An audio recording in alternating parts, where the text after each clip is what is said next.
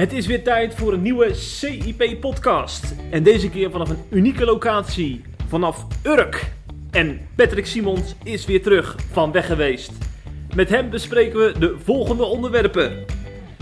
Femke Halsema verdenkt Hilsong van homofobie en kondigt ernstig gesprek aan. Joel Boentjes moet weg bij Baptistengemeente Amsterdam als predikant. PvdA-burgemeester jaagt ab- anti-abortus demonstranten weg in Arnhem.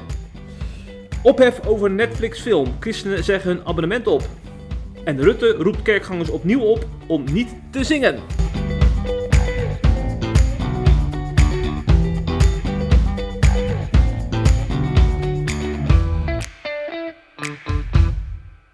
Zo, dan zijn we morgen klaar, denk ik, hè? Met al die berichten. Hoezo? Zoveel. Veel. Veel nieuws. Ja, en dat in de week dat jij afwezig was bij CIP. Oh, wat heb ik genoten, zeg. Waar was jij eigenlijk? In de tuin. In de tuin. In de tuin, aan de zee, Oh. aan de televisie gekluisterd om de Tour de France te kijken. Ja, ja. Ik hoor een kerkklok, Ik hoor een kerkklok. Wat is dit nou En toch? de luisteraar denkt, hoe kan die kerkklok zo dichtbij klinken? Want die hebben ze niet op het werk. Nee. Maar we zitten natuurlijk op Urk. Op, op, hè? Ja, heel ja, goed. Ja. Op Urk, maar in een kerk. En er was een dominee zo vriendelijk om ons in zijn kerk toe te laten om de podcast te maken vandaag. Welke dominee? Dominee AC Uitslag. Van de Christelijk Gereformeerde Kerk. Juist, ja. Op Urk dus. Ja, je hebt er nogal wat, dus de mensen mogen thuis raden welke van de drie. Ja. Christelijk gereformeerde kerken. Eh, maar we gaan het niet over de CGK hebben, deze podcast. We gaan het wel hebben over de Amsterdamse burgemeester Femke Halsema. Ja. Eh, ja, het is natuurlijk een bijzondere vrouw, daar weet je alles van. Voormalig GroenLinks-leider. Een hele nare vrouw is het. Dat zijn jouw woorden. Ja, dat zijn mijn woorden. Eh, deze burgemeester heeft Hilsong Amsterdam op de vingers getikt. Ja. En eh, ja, dat bericht is ons natuurlijk niet ontgaan. Wij hebben namelijk ook een redacteur die bij Hilsong Amsterdam zit. Dus wat dat betreft hebben wij eh, heel makkelijk ingang bij Hilsong. Ja.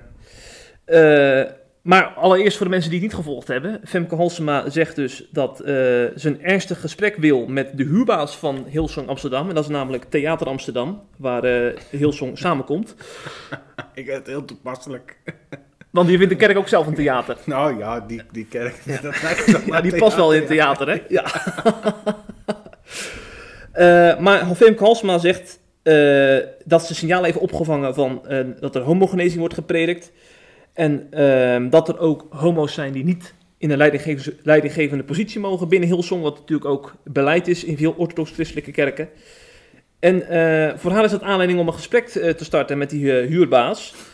Maar wat dan opvallend is aan dat artikel in het Parool, want daarin werd het dus eh, gecommuniceerd hè, door de burgemeester, Ja. eh, dat het toch wel werd gelinkt aan eh, geweldsincidenten binnen de Ja, homogemeenschap. Parool Waar- deed dat, hè? dat deed het Parool, dat deed Femke al. Halsma zelf niet, Hele, inderdaad. hele minzame lage streek van het parool, vind ik dat. Ja, ja, ja, de vraag is of ze dat bewust gedaan hebben, maar dat, Dat moet mij bewust wel. Hè? ja, dat ja, is bewust ja, gedaan. ja. Dus het artikel doet dus overkomen alsof dit, die, dat gesprek van Halsema dat een reactie op dat anti-homo-geweld eh, is. Ja, ja, er werd gewoon gezegd in het artikel... ehm, aan de ene kant werd er gezegd dat Halsema het gesprek ging met de verhuurder van het gebouw aan Hillsong.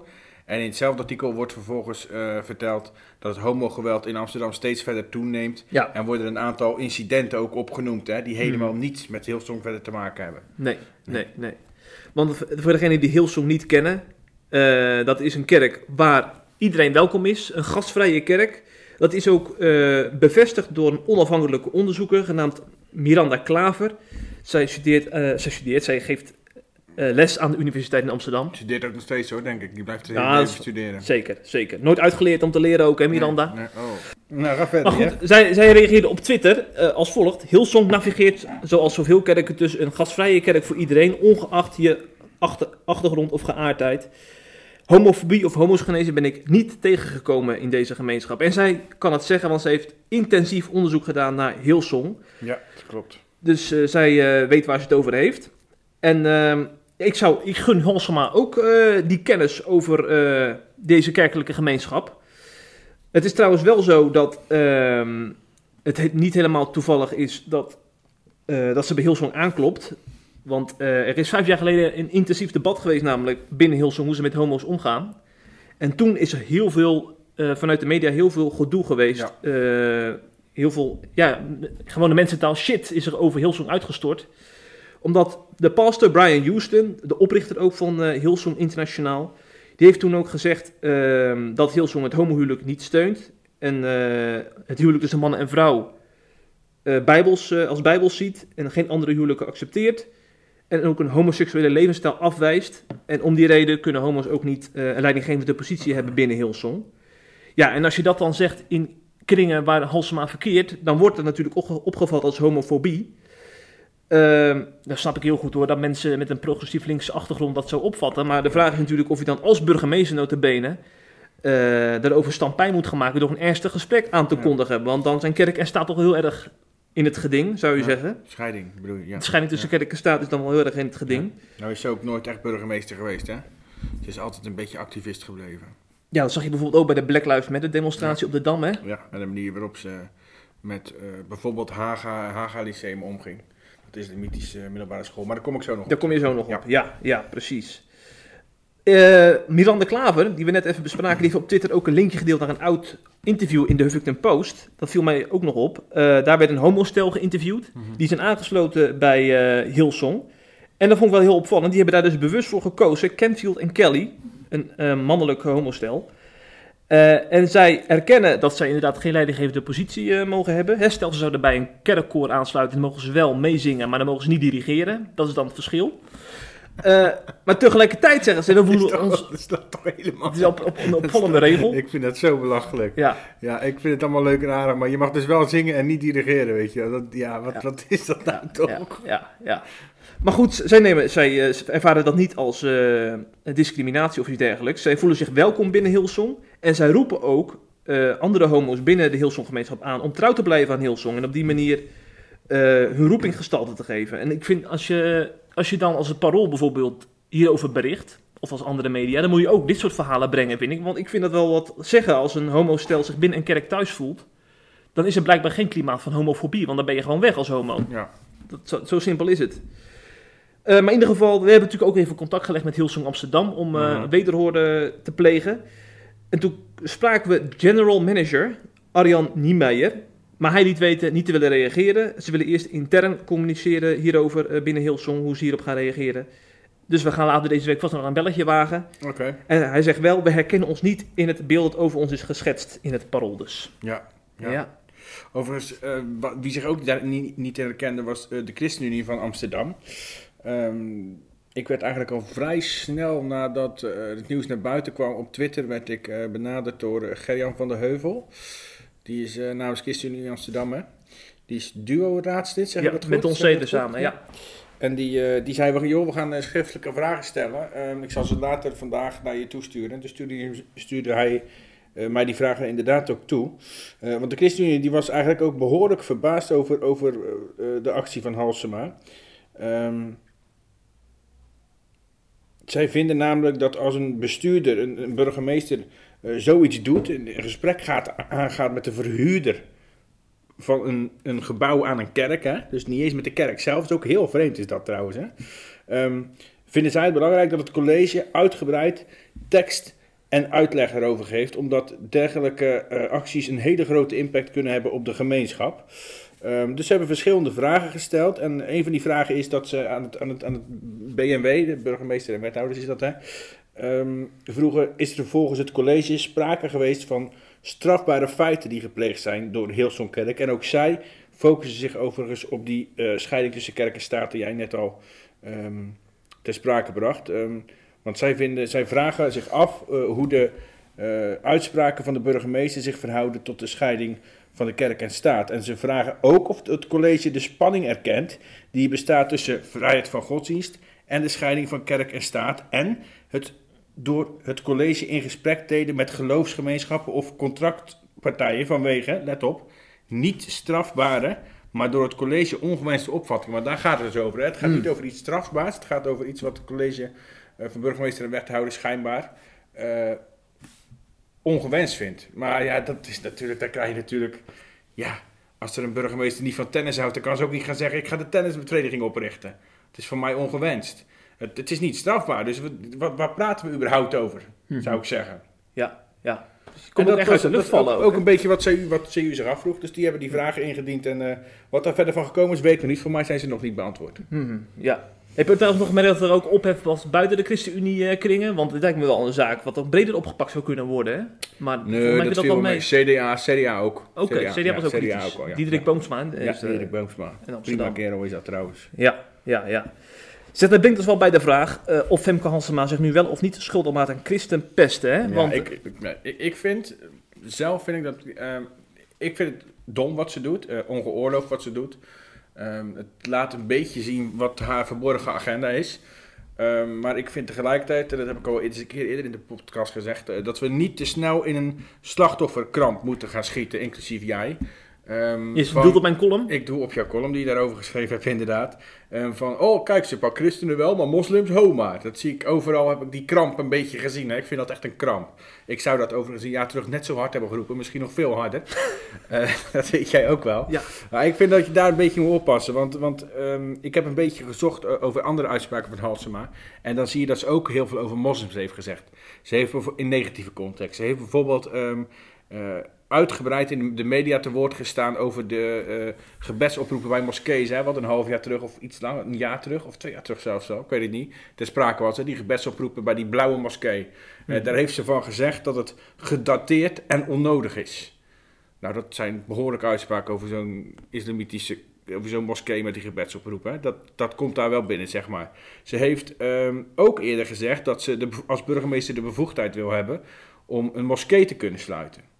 Ze heeft ehm, natuurlijk ook, dat, wat, wat ik net al even naar verwees, dat Haga Lyceum, hè, dat is een, een, een islamitische middelbare school, Hmm. heeft ze heel hard aangepakt. Eh, en later bleek, na de naar aanleiding van een uitspraak van een rechter, dat dat niet helemaal terecht was. Ehm, wettelijk gezien dan. Hè. Er waren signalen dat er van alles mis was, maar wettelijk gezien zegt de rechter dat het eigenlijk... Hè, Slop, de minister, heeft toen ook, wilde dat bestuur aftreden, die is niet in het gelijk gesteld. En Hasma sloot zich in haar uitspraak helemaal bij Slop aan destijds. Hmm. Dus dat zijn zeg maar al drie dingen die ik nu in korte tijd, in vijf minuten tijd, door even te googlen op eh Hasma Islam, eh, kon vinden over dingen die ze ook, dergelijke dingen die ze ook over islam heeft gezegd, of dat ze daar ook bovenop zit. Dus ik denk niet dat het specifiek christenbest is. Ik denk wel dat het ehm religiepest is. Ze heeft last van religiestress, wordt ook wel eens gezegd. Religiestress, ja. Dus ze heeft een, echt een, een- dat heeft, ik- heb ik al eerder gemerkt, ook in haar tijd eh, toen ze in de landelijke politiek zat. Hè. Ehm, ze vindt het bijna moeilijk om haar hekel aan religie te verbergen. Hm, hm, hm, hm. Ja, ja. En dat is dus, geldt dus niet alleen voor christenen. Wat niet wegneemt dat dit gewoon heel raar is. Laat, laat ik dat wel buiten kijf stellen. Ik vind het echt bizar. En al helemaal dat je niet gewoon even een gesprek aangaat met Hillsong. Nee, dan ga je met de verhuurder van een gesprek aan. Het komt mij een beetje over als adverteerders bellen. ja, Weet ja, je wel? Precies, wat wat ja. bij Veronica aan de site gebeurt. Van weet je wat? Eh, Het zijn zulke eikeltjes. Weet je wat we gaan doen? We gaan adverteerders bellen. Dan kunnen we het programma kapot maken. Nou, dat zij doen eigenlijk precies hetzelfde nu. Hm. En dat is heel kinderachtig. Maar niet specifiek christenbesje, denk ik. Mhm, mhm. Maar even los van de persoon Halsema dan, hè. Ja. Er is dus een links-progressieve bubbel waar ook de GroenLinks-achterban bij behoort. Is Die- natuurlijk nu niet GroenLinks. Hè? Die is, die is, Nee, Ja. oké, maar goed. eh, wat mij dan opvalt, als er nou bijvoorbeeld een anti-homo-incident is in eh, Amsterdam, dan Ja. is er weer eens een homostel bedreigd of aangevallen fysiek, dan zie ik het parool, dan zie ik eh, D66-politici, dan zie ik allerlei mensen zie ik daar ophef over maken, want dat kan toch niet in het Nederland van 2020? Tegelijkertijd, als ik dan naar drie jaar terug ga, toen sprak ik Johan Boertjens, waar we het ook nog zo over gaan hebben, voorganger van een baptistengemeente in Amsterdam. Die heeft een noodklok geluid van eh, gemeenteleden die doodsbedreigingen krijgen van moslims omdat ze christen zijn geworden. Er is een bommelding geweest bij een kerk in Amsterdam. Eh, er is zelfs fysieke mishandeling geweest eh, van, een, van, van een schoolkind door een moslim, Mhm. omdat zijn ouders naar een kerk gaan. Ja. Daar hoor ik heel die progressieve Nee, nee. club hoor ik daar niet Nee, over, inclusief ook Halsema eerlijk Maar dat- gezegd dat hoor. Is, ik vind dat, wat jij nu zegt, is vooral, vind ik vooral een, een taak van de media. En die is wel degelijk, als je progressieve linkse media hebt in, Nederland en in Amsterdam. Ja, die, eh, ik bedoel, als er een dominee een handtekening zet onder een Nashville-verklaring, dan branden ze hem af op de voorpagina. Maar als er een, een, eh, een, eh, een, een, een groepje moslims, jonge moslims, twee homo's met een ketting afranselen, dan schrijven ze af dat de twee homo's werden afgeranseld door jongeren. Ja, Weet je wel? ja, ja, ja. Dus ja. dat, dat, maar dat is, media is dat wel een groot probleem, denk ik. Maar ik, over dit, het, ging, het ging maar even Ja. nu over dit specifieke geval. Hè? ja precies. Ik vind dit wel meevallen. Hm, hm. Als het gaat om christenbest. Het is niet speci- dit is, natuurlijk is dit wel specifiek op christenen gericht. Maar het is niet dat Halsma is zo'n geen trend. alleen bij christenen doet. Nee, nee, nee. En, maar over het algemeen natuurlijk. Zeker wel wat jij zegt. Wat jij zegt klopt helemaal. Media, maar ook politiek zeker. die links-progressieve bubbel in Amsterdam is dat natuurlijk is dat bijna de hele gemeenteraad. Mhm. Dat, daar komt dat zeker voor, ja. Ja. Daar Ja, ben ik het ja. wel mee eens. Maar in dit geval vind ik dat het gewoon dat je... En daardoor, door wat jij nu schetst, ben je geneigd om dit als hals, wat Halsma nu doet, ook gelijk onder die noemer, eh, onder die dingen te scharen. Ja. Van het is christen met z'n hazen, ze kunnen weer een christen pakken. hoor. Bij moslim doet ze het niet. Maar dat doet zij dus wel. Daar heb ik dus net drie voorbeelden van genoemd. Mhm. Ja, ja, oké. Maar zijn het ook niet een beetje veilige voorbeelden die je net noemt? Ik bedoel, eh, als, als er een, eh, een, een moslim, wat in Amsterdam gebeurt, een doodsbedreiging stuurt naar een, naar een christen of, of eh, zelfs fysiek mishandelt, dan, dan, dan steek je je hand echt in een wespennest. En een school aanpakken of iets zeggen over een, eh, over een moskee Dat vind ik... Een is, school, is iets veiliger. een school- ja, maar een- een- met de verhuurder gaan praten is ook iets veiliger. Dat is toch een beetje hetzelfde? Een school aanpakken of met de verhuurder gaan praten? Of, of zeggen, moskee, eh, de, gebedsoproep is gedateerd en met de Ja. gaan, dat is toch een beetje hetzelfde? Ja. Het is niet Ja. dat, dit, dat, dit, dat dit op het gelijke niveau kan geschaald worden als doodsbedreiging, hè? Wat jij nu doet. Nee, maar ik ben ook wel benieuwd of Waarom dan... ze daarover zwijgen, bedoel jij gewoon mee? Ja, maar ik ben dan ook benieuwd of, of dat, zeg maar, dat frame wat het parool gebruikt... door dat geweld dus in dat artikel te koppelen aan, aan die eh, uitspraak van Halsema... door een ernstig gesprek aan te kondigen. Of, of zij dat ook... Want dat, dat weten wij niet. Halsema heeft heel erg eh, over op de vlakte gehouden verder. We kunnen hier heel weinig duiding aan Ja, geven. denkt natuurlijk, alles wat ik zeg is fout. Nu. Ja, dat, dat zal ze zeker denken, ja.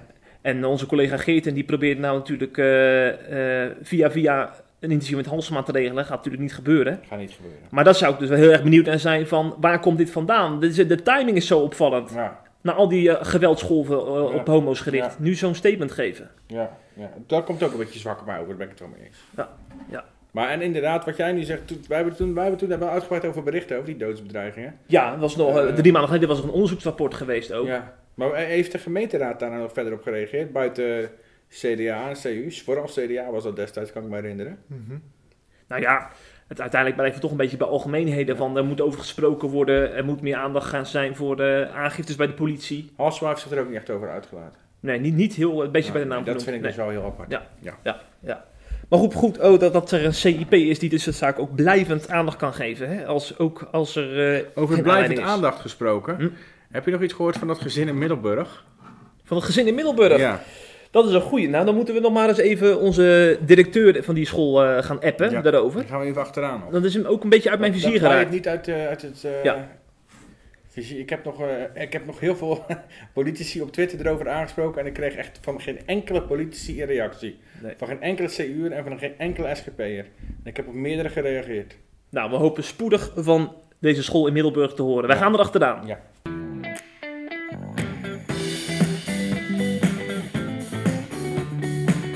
Het laatste nieuws uit christelijk Nederland bespreken we in de CIP-podcast.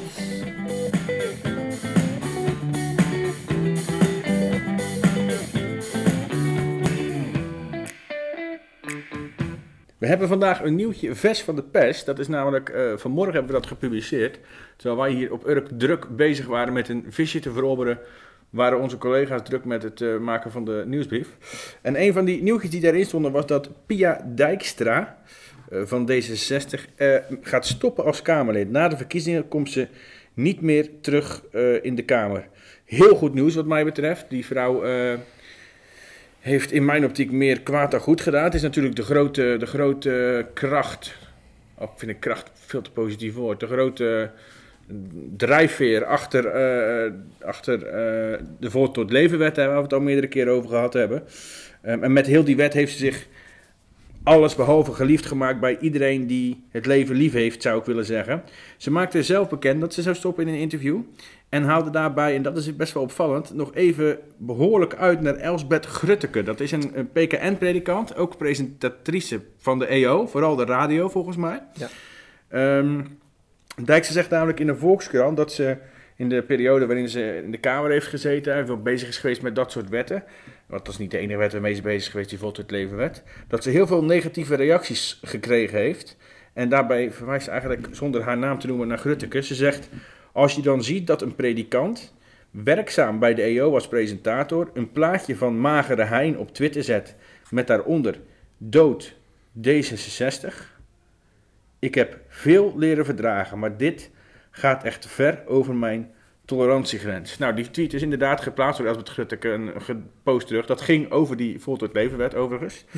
Ehm, en toen plaatste ze een plaatje van Magere Hein inderdaad met daaronder dood 66. Ja, ik, ehm, Al een tweet van jou kunnen zijn, laten we daarop houden. ja ik, ik wou zeggen, ik zou, dat ook, ik zou ook zoiets kunnen zeggen.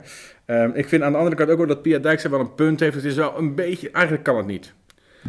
Maar met, met de toevoeging dat ik het inderdaad ook zo zou kunnen zeggen zelf. Dus wat mij betreft ehm, heeft Pia Dijkstra wel gelijk. Het kan eigenlijk niet, al zou ik het zelf ook doen nogmaals. Ehm, maar laat ze ook wel een beetje in de spiegel kijken met de lugubere voorstellen die ze zelf gedaan heeft. Ik, ik moet even trouwens denken aan Alexander Pechtel. Dat is natuurlijk de voormalige partijleider van D66. Hij gaf ooit een interview aan EO-visie. En hij liet zich uit over christenen die D66 Ja. een enge partij vinden. Ja. Zal ik dat eens even dat citaat Ja, erbij halen? Ja. Boe, bang zijn. Ik weet hoe sommige christenen over mij denken. Maar er zit geen grond in en het is soms ook gemakzuchtig. Er is geen enkel bewijs dat wij gevaarlijk zijn. Nou, hij liet zich wel eventjes uit daarin. Het, het ging nog heel, heel eh, Daar tijd denkt, die, verder. daar denkt die vrouw in Meppel anders over, zou ik je vertellen. Of die gevaarlijk is. Die die gedwongen heeft tot abortus. Ja, voor de mensen die het vergeten zijn. De Ja, mensen die het vergeten zijn. Hij had een minderes in Meppel, hè? Of was het Zwolle? nee, dat was Meppel. Meppel. En die heeft hij gedwongen tot abortus. Ja, ja, ja. Nou goed, we weten waar D66 staat, dus eh, Ja. weer eh, bij deze. Aan de verkeerde kant, hè? Ja, wie niet aan de verkeerde kant staat, tenminste in onze ogen, dat is natuurlijk Stichting Steriel Omleven. Regelmatig wordt er gedemonstreerd bij eh, abortusklinieken door vrijwilligers van Steriel Omleven, maar ook van andere stichtingen en ook wat individuen die wat radicaler zijn. En burgemeester Marcouch van de PvdA in Arnhem, die wil daar korte metten mee maken. Want hij heeft vorige week een, eh, ja, een verbod aangekondigd voor demonstranten. Binnen 500 meter rondom de abortuskliniek in Arnhem mag er niet meer gedemonstreerd of geflyerd worden door deze demonstranten. En op deze manier wil de burgemeester een einde maken, en dan citeer ik, aan hinderlijk en intimiderend gedrag tegenover vrouwen die de kliniek bezoeken. Eh, onze collega Geerten heeft Marcouchin ook nog over geïnterviewd trouwens voor CIP. En ehm, eh, nou, hier was natuurlijk wel weer het nodige rumoer over. Nou, tenminste rumoer. Twitter is natuurlijk wel een beetje eh, het schoolplein van de samenleving. Ik weet niet of het daarbuiten nog heel erg werd opgepikt. Nee. Maar daar zag ik bijvoorbeeld een tweetje van Kees van der Staaij voorbij komen, hè, van de SGP. Oef, zulke ingrijpende politieke beperkingen van het demonstratierecht komen toch alleen maar voor in dictaturen? Vraagteken. Ja. Toch wel een flinke uitspraak van eh, Kees van der Staaij. En hij heeft natuurlijk de ChristenUnie-fractie in Arnhem aan zijn zijde. Daar is Daniel Becker eh, fractievoorzitter. En hij vindt dat Marcouch het recht op demonstratie met voeten treedt. En volgens hem is het juist aan de politie om, eh, om eh, hier in te grijpen. Je zegt, als er geïntimideerd zou zijn, zou je de politie moeten inschakelen in plaats van de vrijheid van demonstratie eh, inperken.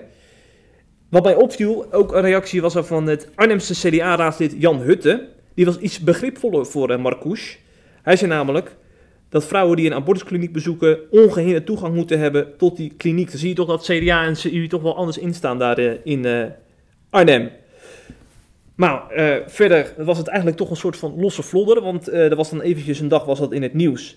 En opeens, uit het niets, kwam daar een pleidooi voor een landelijk verbod op demonstraties bij abortusklinieken. werd gedaan door Margreet Jansen een van een st- stichting, nee, van Koepel Stizan, van negen abortusklinieken in Nederland. En volgens mij zijn er in totaal 14 abortusklinieken. Dus bijna alle abortusklinieken pleiten dus voor een landelijk verbod op demonstraties. En ik zag al Oh. dat Lilianne Ploemen van de Oh. PvdA Kamervragen heeft gesteld. Oh, En ik vermoed zomaar dat zij- beters te doen, die vrouw.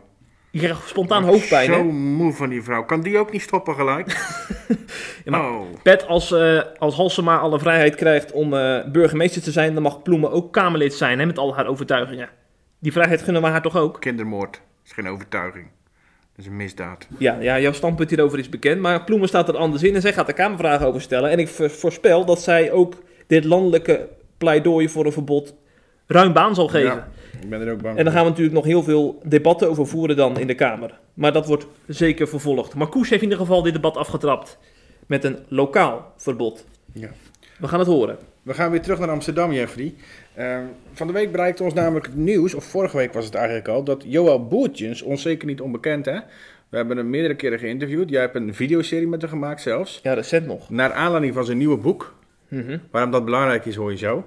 Ehm, die vertrekt eh, per 1 januari 2021 als voorganger van de Baptistengemeente De Verbinding in Amsterdam. Ehm, Ja, er rijdt hier een kindje voorbij die van een of andere school, een, Ur- een Urk. De school is denk ik uit. Oké, Ja, de scholen zijn weer begonnen. Oh nee, juist niet dus.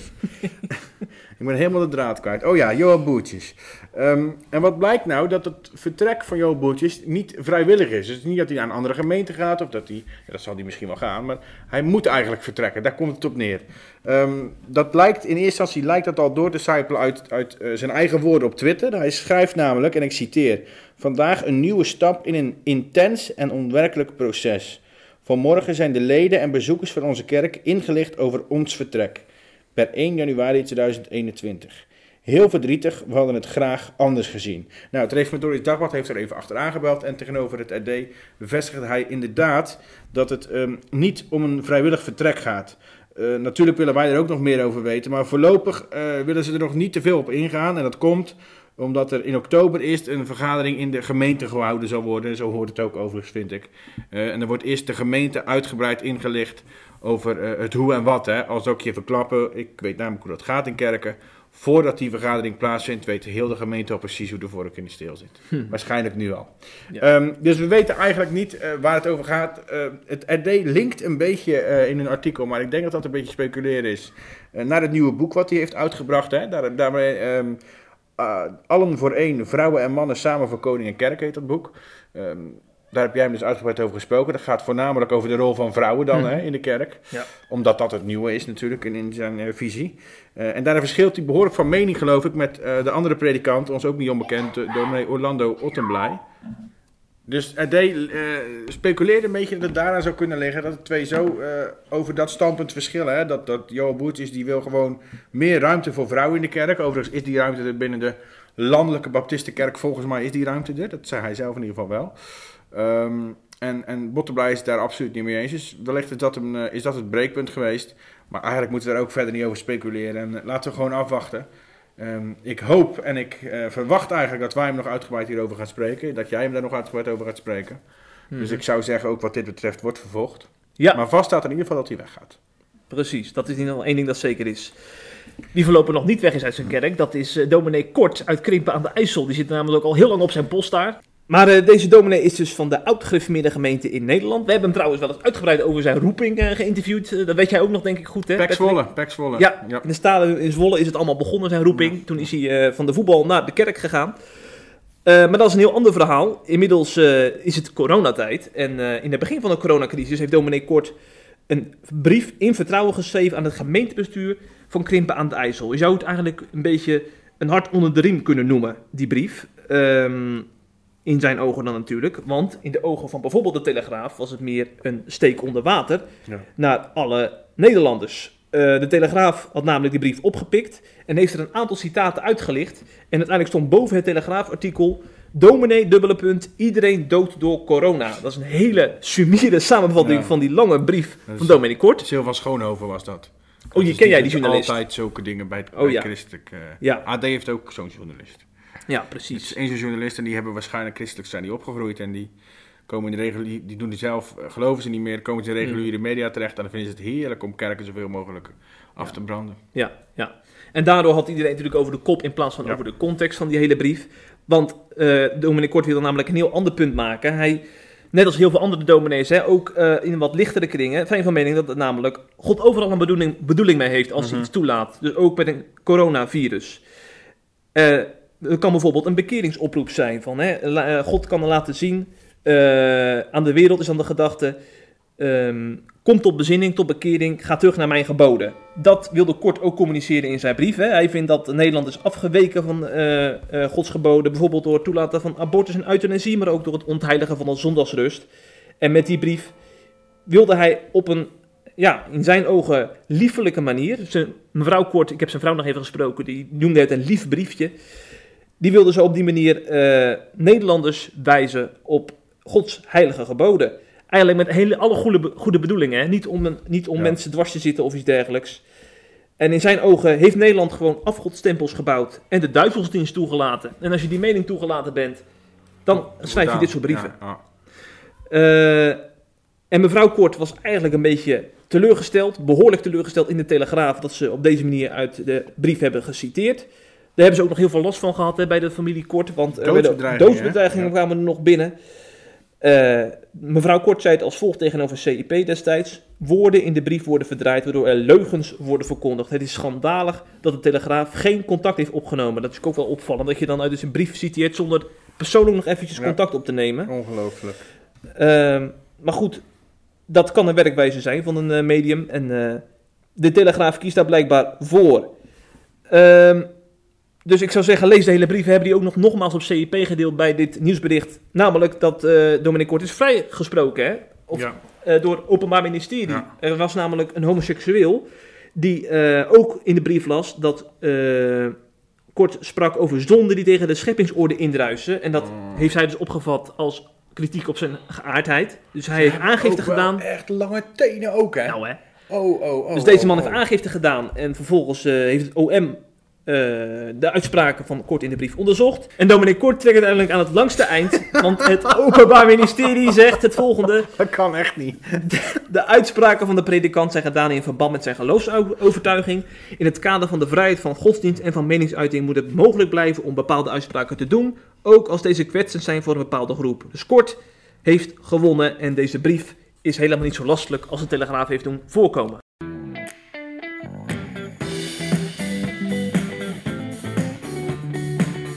Het laatste nieuws uit christelijk Nederland bespreken we in de CIP-podcast.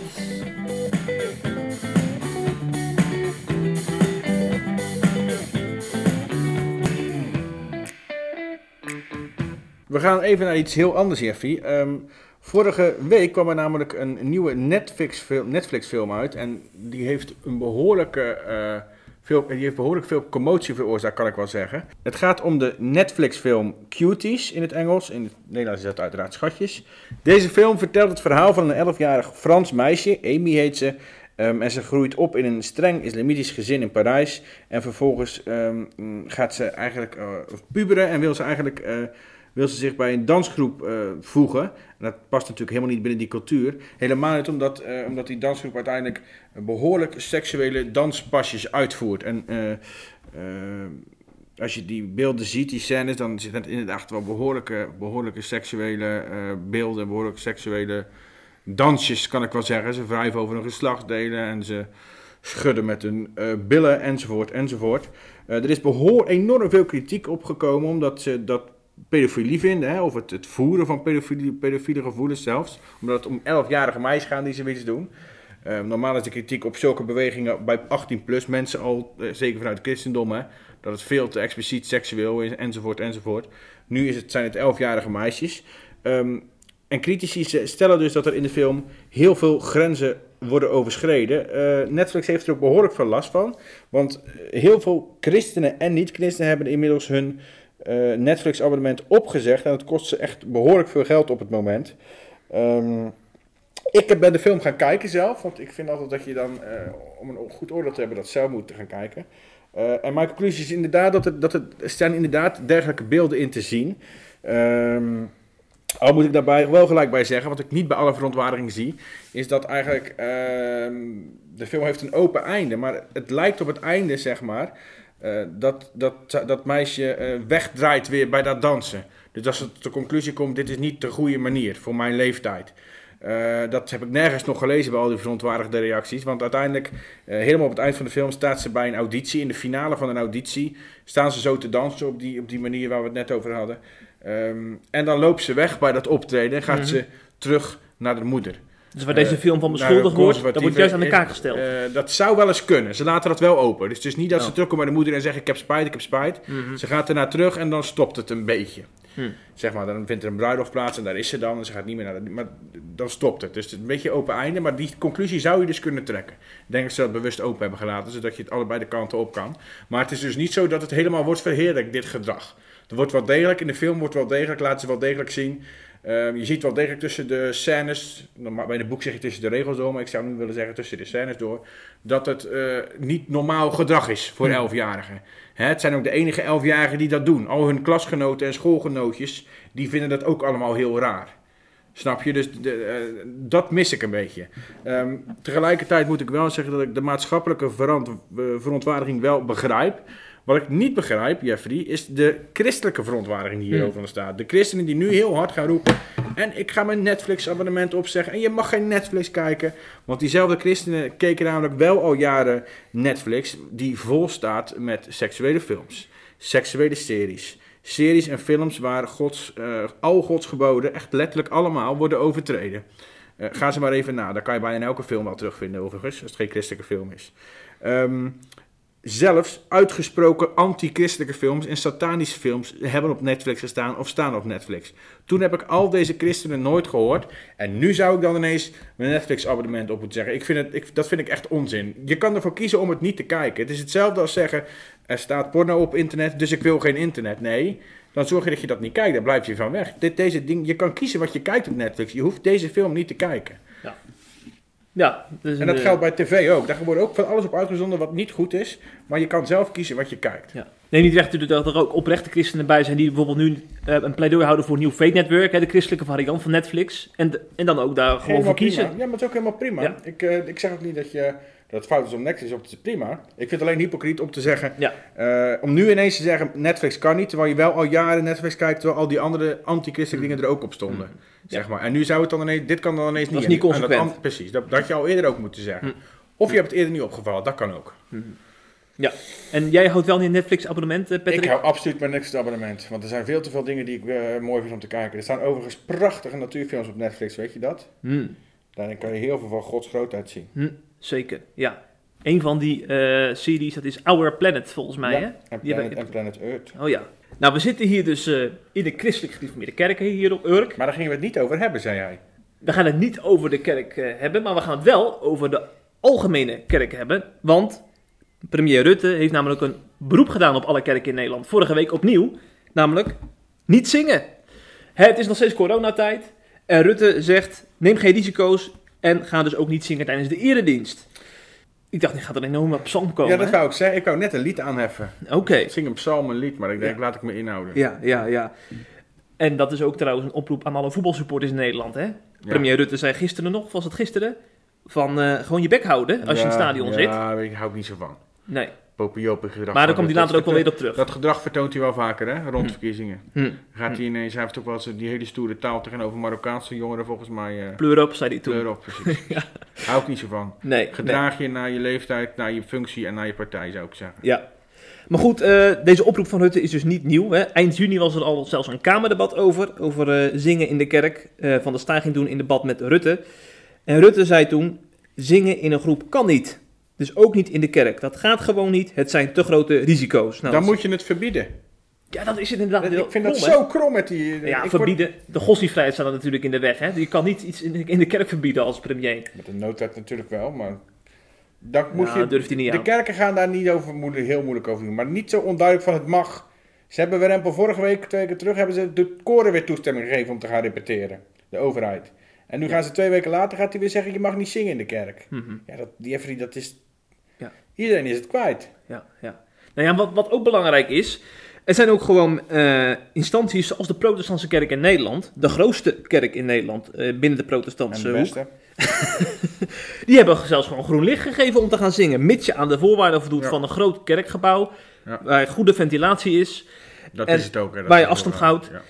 En ik zou zeggen, als de PKN dat nou zegt, die hebben ook overleg met allemaal experts en zo. Waarom zou je dan naar Rutte luisteren als de PKN notabene allemaal zo'n enorme lijst op de website heeft met allemaal voorwaarden waar je aan moet voldoen? Dan luister je toch gewoon naar een PKN, dan luister je toch niet naar een Rutte? Dat lijkt me sowieso altijd een goed idee. Maar eh, de PKN is natuurlijk ook wel veel gebaseerd op Rutte en zijn adviseurs. Hè?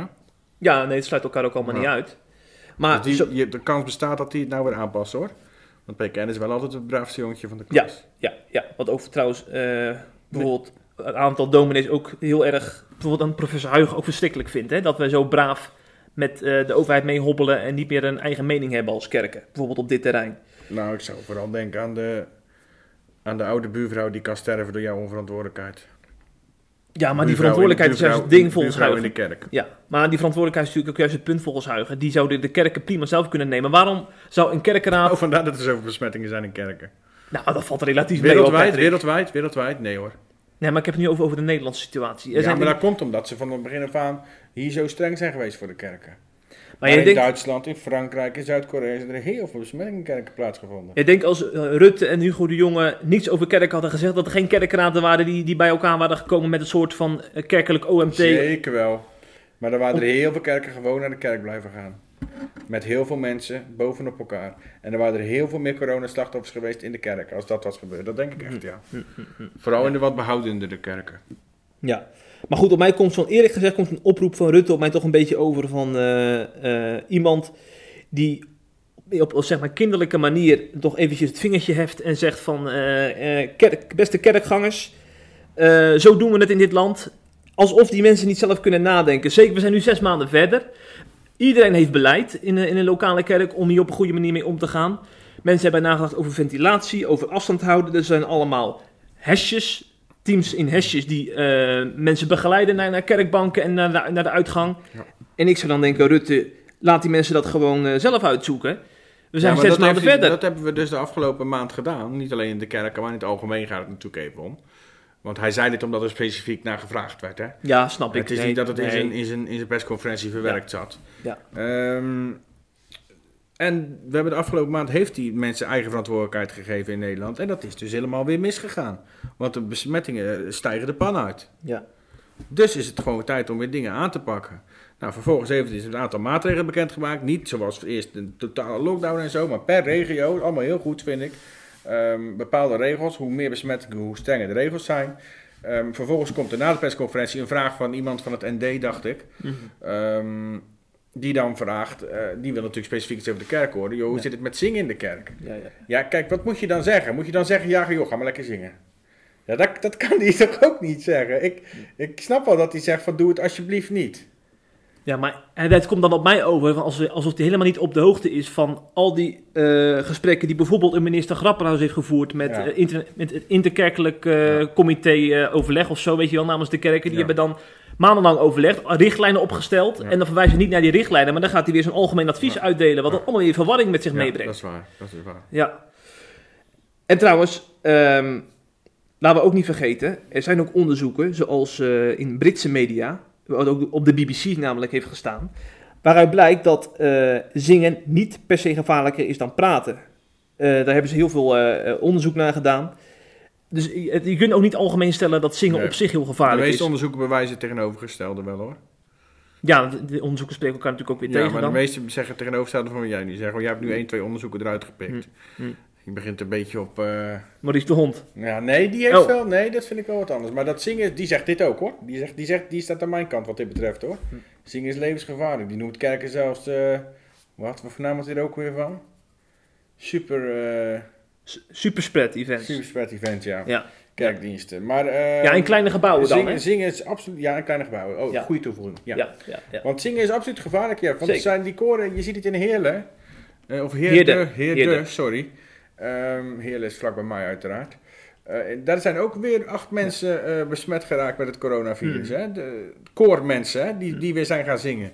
Dus ja, je kan wel blijven zeggen, zingen is niet gevaarlijk, maar ik denk het dus wel.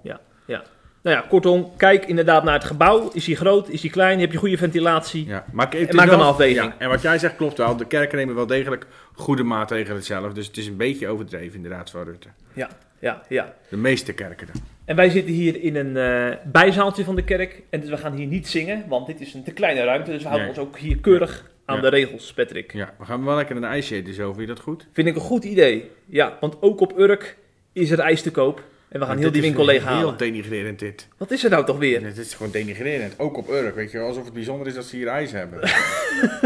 Je zit me nou weer weg als een randstedeling die hier Ja, weer eventjes hoogdravend over Urk praat. Dat is precies wat je bent, een randstedeling. Die hoogdragend praat over alles buiten de randstad.